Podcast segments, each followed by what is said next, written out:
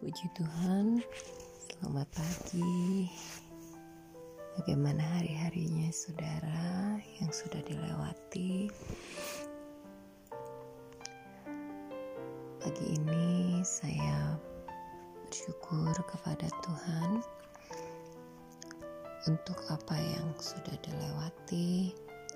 Bersyukur juga untuk hari baru yang kembali Tuhan berikan. Tadi malam ada satu kejadian di mana anak saya melontarkan satu pendapat dalam kehidupannya. Dia berkata, dia tidak memilih antara menang dan kalah. Di situ sebenarnya saya mau memberi masukan tapi di dalam hati saya, apa kira-kira yang dapat meneguhkan supaya dia dapat memilih? Dengan kata lain, bukan memilih menang ataupun kalah, dan juga tidak memilih golput, ya, bahasanya. Sehingga pada pagi hari ini pun saya bawa di dalam doa pergumulan kepada Tuhan apa yang bisa saya jawab? Apa yang bisa saya berikan sebagai masukan di dalam kehidupannya? Karena tentu kita harus memilih setiap harinya. Dia beralasan orang itu memilih menang, nanti pun dia masih tetap ingin mencari kemenangan-kemenangan yang lain karena dia tahu dia menang dia juga punya kekurangan dan dia terus menutupi kekurangan mencari kemenangan-kemenangan yang lain. Itu manusia. Dan benar yang dikatakan itu menang dan kalah itu relatif di dunia ini. Tapi satu hal kita harus memilih bukan menang dan kalah, melainkan kita harus memilih yang benar. Itu yang menjadi jawaban Tuhan bagi saya di pagi hari ini, karena Tuhan, Dia melihat hati kita.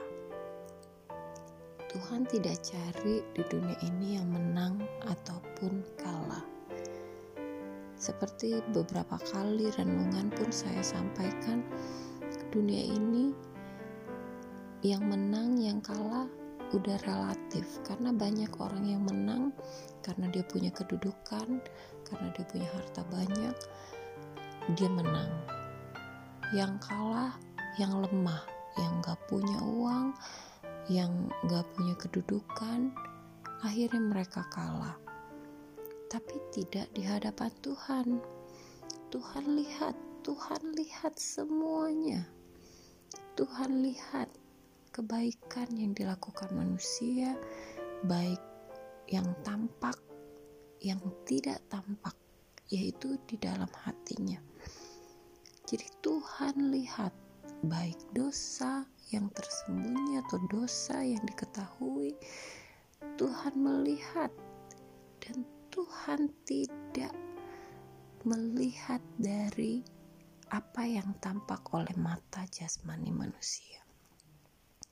Itu yang membuat saya begitu yakin bahwa kita harus memilih bukan antara menang dan kalah di dunia ini.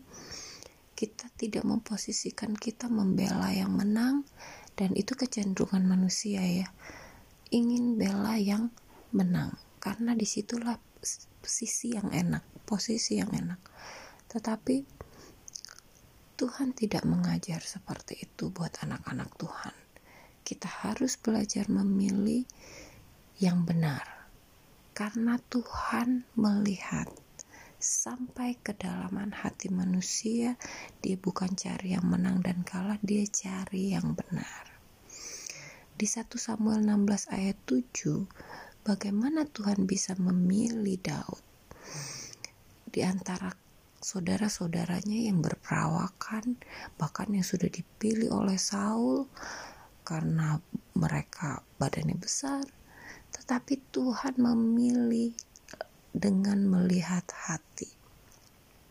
Kita manusia nggak bisa memilih, melihat, oh aku mau di posisi yang uh, benar nih. Kita nggak bisa uh, lihat hati yang orang eh, orang-orang, tetapi Tuhan bisa. Jadi sekarang saat kita akan memilih di dunia ini, biarlah kita mau koreksi hati kita di hadapan Tuhan. Nah, saat kita memilih, kita tahu Tuhan melihat hati kita, kita cenderung akan memilih yang benar. 1 Samuel 16 ayat 7 Tetapi berfirmanlah Tuhan kepada Samuel Janganlah pandang parasnya atau perawakan yang tinggi Sebab aku men telah menolaknya. Bukan yang dilihat manusia yang dilihat Allah. Manusia melihat apa yang di depan mata Tetapi Tuhan melihat hati. Jadi, saat kita juga di posisi seperti Samuel, akan memilih, biarlah kita belajar dari apa yang dikatakan oleh Tuhan. Dia melihat hati. Kita memilih pun saat kita di dunia ini bisa salah kalau kita pakai mata. Yuk kita pakai hati. Ya, Tuhan kasih hati nurani kepada kita yang begitu peka untuk membedakan yang benar dan yang salah, yang baik dan yang jahat. Yuk, kita memilih dengan hati kita, dan saya yakin ini menjadi satu jawaban di saat kita harus memilih jalan, bukan yang menang dan yang kalah, tetapi yang benar. Puji Tuhan, Tuhan Yesus memberkati hari-harimu di mana kita harus belajar memilih berjalan dalam kebenaran firman Tuhan. Tuhan Yesus memberkati.